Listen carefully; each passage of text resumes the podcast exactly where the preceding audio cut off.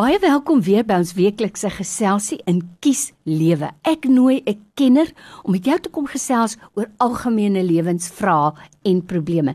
Dis Dr. Franso Swart, hy's 'n kliniese pastorale terapeut. Dr. Franso vir die tyd vandag vir baie dankie. Dankie Lorraine. Hallo al die luisteraars. Nou ons het 'n belofte gemaak en ons moet dit maar hou.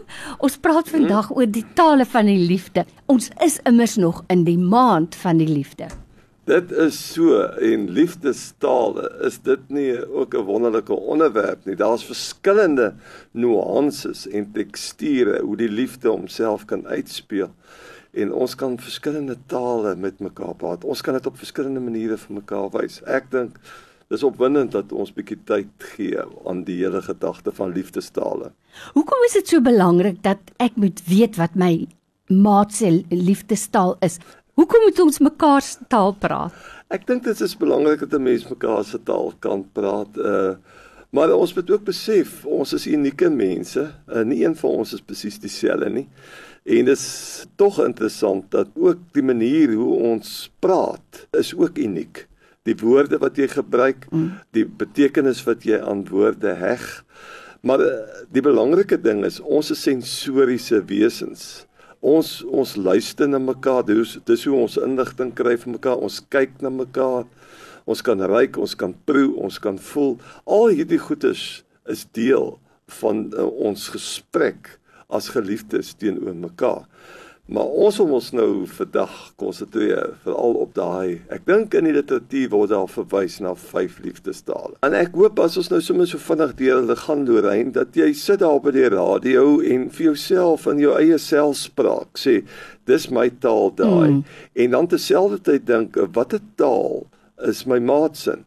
Dit is 'n goeie idee. Luister na die vyf tale en as 'n mens bewus kan word van twee tale soos wat 'n mens gewoonlik Afrikaans en Engels kan praat of Khoza of uh in Engels, is dit goed dat jy uh, twee tale het hoe jy jou liefde as 'n sein kan oorgee na jou naaste toe. Ek gaan begin. Ek dink die een wat baie gewild is is fisieke aanraking. Hmm. Fisieke aanraking uh nie noodwendig vir seksuele intimiteit nie.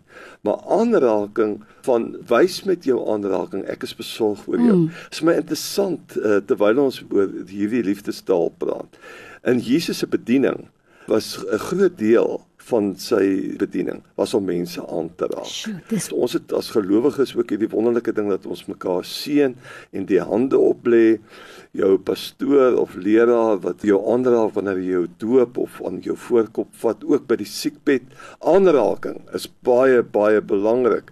En ons weet ook uit die psigiatrie uit oksitosien word vrygestel. Mm. Dis hoekom ons baie keer ook 'n sagte speelgoed vir kinders gee en troeteldiere het want dit is oksitose wat vrygestel word en 'n gevoel van behoort. Dis aanraking is 'n wonderlike sein wat 'n mens vir mekaar kan gee. Jy is vir my kosbaar. Jy is vir my belangrik. Die tweede belangrike taal is kwaliteit tyd saam. Mm. Jy praat nie eintlik met mekaar nie.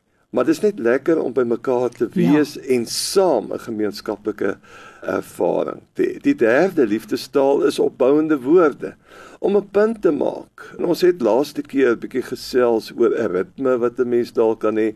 As jy eenmal 'n week in 'n neutrale plek by mekaar kom en ek wil net vir jou sê, die eerste vraagie wat ons vir julle gesê het is, wat vir jou lekker? Opbouende woorde. Dis lekker as iemand vir jou sê, weet jy, toe jy dit gesê het, toe jy dit gedoen het het ek waardering daarvoor gehad en uh, ek wil net vir jou sê ek het dit raak gesien. Sure. En dan die vierde liefdestaal is diensbaarheid. Ons manne moet man onthou om die asblik uit te sit. En kan ek help met die skool goed was? En moet ek die stoepie voor afvee en uh, kan ek vir jou help om kar te was as vrou? Kan jy vir jou man sê? Dis diensbaarheid. Jy probeer deur jou diens en jou beskikbaarheid regtig help En dan die een wat ek dink ons dames baie lief vir is, die vyfde liefdestaal is geskenke. Mm. Veral as dit so bietjie kan blink en dit kan dalk mm. aan die vinger kom of om die nek hang.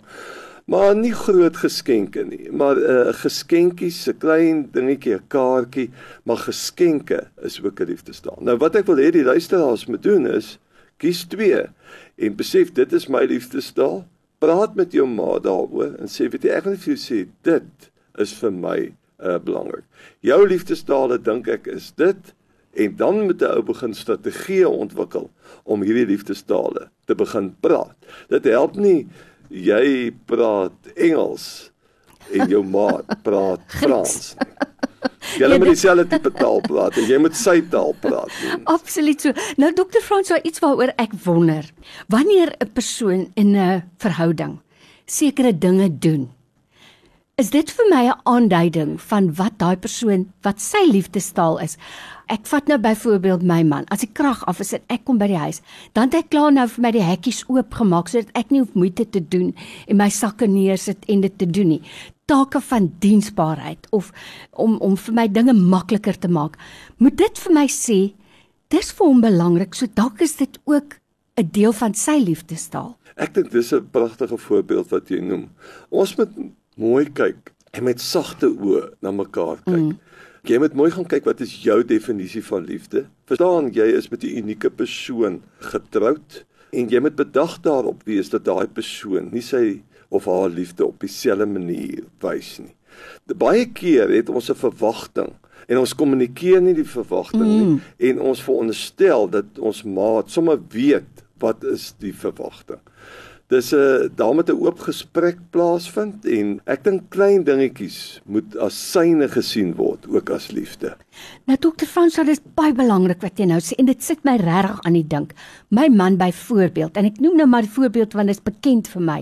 As hy nou verjaar en hy kry 'n klomp geskenke, hy sal dit nie dadelik oopmaak nie en partykeer laat hy dit daar staan dan sal hy die volgende dag eers kyk hy waardeer dit. Hy's baie bly daarvoor. En dit het vir my lank terug laat besef, dis nie sy liefdestaal nie. Met ander woorde, hy sal ook nie al 2 weke voor die tyd dink wat hy vir my vir 'n geskenk gaan gee nie, want dit is sy liefdestaal nie. En daarom sal ek byvoorbeeld vir hom sê, hier's vir jou lysie van 4 geskenke wat ek wil hê vir my verjaarsdag, verras my. Dit is 'n goeie wenk wat ek dink ons luisteraars ter harte moet neem. Kom met opsies na 'n persoon toe. Mm. Moenie net met jou vooropgestelde idee kom nie. Want jy sal teleeggestel word partykeer. Jy kan teleeggestel wees mm. definitief en dis altyd goed ook in konflikhantering. Jy weet presies wat jy uit die situasie uit wil hê, maar ook in konflikhantering en geskenke gee, kom altyd met drie opsies. En dit is my nommer 1 keuse en ek is okay met die tweede een en ons kan met die derde een praat. Mm. Maar kom altyd met alternatiewe moenie net eendimensioneel net met een uh verwagting kom nie. En daarmee begin ons gestalte gee om kwaliteit tyd aan 'n verhouding te gee met kwaliteit gesprekke. Lorraine die liefde vra van ons ja. tyd en dit vra dikwels ook harde werk. Kom ons sê wat is taal? Taal is 'n sein wat jy uitstuur het sy deur jou liggaamstaal, het sy deur jou manier hoe jy tyd spandeer en tyd gee vir mense, het sy hoe jy praat, al daardie dinge is syne en 'n mens moet van tyd tot tyd as mense wat saam bly en saam mm. leef, moet 'n mens sê, weet jy, die syne wat ek uitstuur, is dit nog reg vir jou? En kan ons bietjie praat oor jou syne teenoor my en 'n mens moet dit proaktief doen. En nie eens wag totdat mm. daar werklik syne probleme is nie. Maar jy moet dit gereeld gaan besoek en dit in stand hou. Nou ja, dit bring ons weer terug. Jy moet maar gereeld gaan incheck of alles nog reg is. Dokter Fransa vir die insig en die wysheid weer vandag som op 'n gewone manier wat ons almal kan verstaan. Baie dankie.